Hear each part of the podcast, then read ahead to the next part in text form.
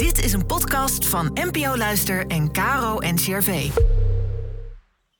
Welkom bij de Kloostercast. De podcast met antwoorden op alledaagse levensvragen vanuit de kloostertraditie. Inspiratie voor je dag.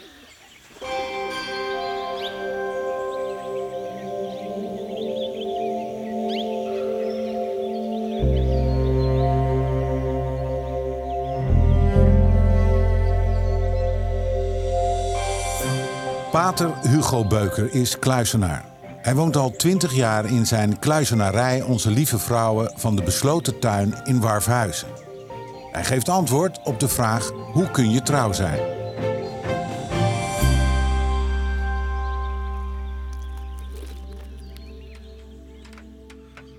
Is het gewoon genoeg er te zijn?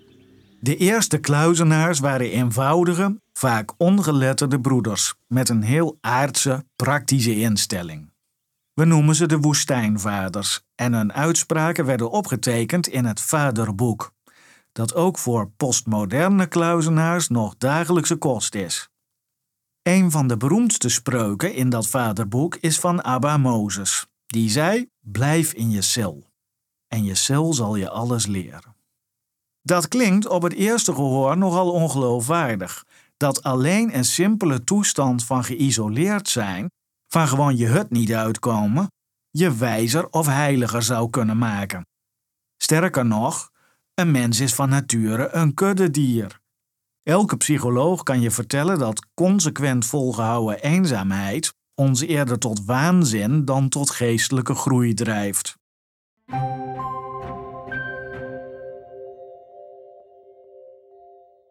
Of ligt het toch genuanceerder? De ene eenzaamheid is immers de andere niet. Ten eerste is er al een groot verschil tussen gedwongen alleen zijn, of nog erger, sociaal buitengesloten zijn, en vrijwillig de eenzaamheid opzoeken. Wie afgewezen en verbannen wordt, is verlaten door de menselijke vriendschap en veiligheid. Die blijft achter in een ongeborgen leegte. Een leegte die gek maakt. Je hoeft je daar niks ingewikkelds bij voor te stellen. Menig pubermeisje dat het waagde op school te verschijnen met een verkeerde handtas, kan erover meepraten. Wie aan de andere kant de leegte juist opzoekt, uit ontdekkingsdrang, uit nieuwsgierigheid naar de absolute werkelijkheid, is niet verlaten, maar heeft verlaten. Die neemt afstand wellicht van dingen die het moeilijk maken God te ervaren, zoals verslavende genoegentjes, overbodige informatie en een overdaad aan prikkels. Wie de kleine honger van het simpele plezier maar de hele tijd pampert, zal de grote honger naar het geheim van het leven en het zijn op een gegeven moment niet meer voelen. Dat is precies waarom mensen daarin vluchten, in die kleine honger. Ze zijn bang voor de grote vraag en ze zijn bang voor het grote antwoord. Wie trouwens de brani op kan brengen om God juist te zoeken in plaats van te vermijden, zal zich vaak nog net zo goed eerst door dezelfde koude leegte moeten wurmen die ook de verlaten zielen gevangen houdt.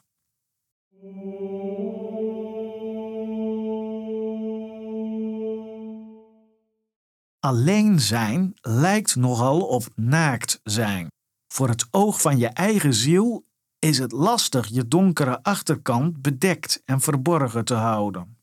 Alleen zijn wordt dan zoiets als de blootheid verdragen.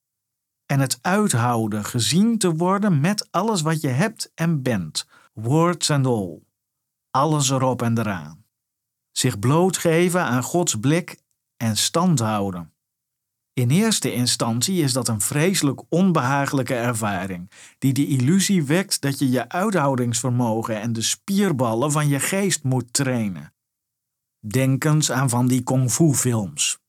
Daarin wordt de held ergens in de bergen van het Chinese achterland door een bejaarde kruising tussen een pater en een drillsergeant tot bovenmenselijke krachten opgefokt. De echte uitdagingen van het leven laten zich ondertussen eigenlijk nooit op die manier overwinnen. Op je tanden bijten, je trots oppompen en op je eigen kracht je broek ophouden bezorgen je op zichzelf hoogstens een epische instorting. De blik van God verdragen vraagt juist de tegenovergestelde soort van brani.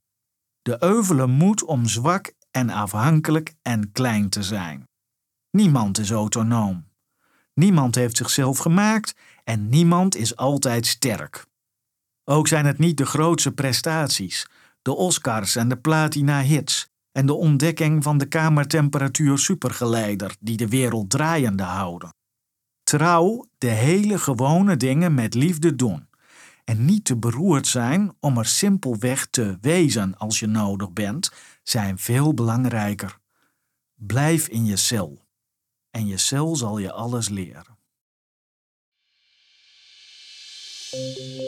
In een nieuwe aflevering vertelt Rebecca Brown, abdis van het Clarisseklooster in Megen, waarom ze graag op blote voeten loopt.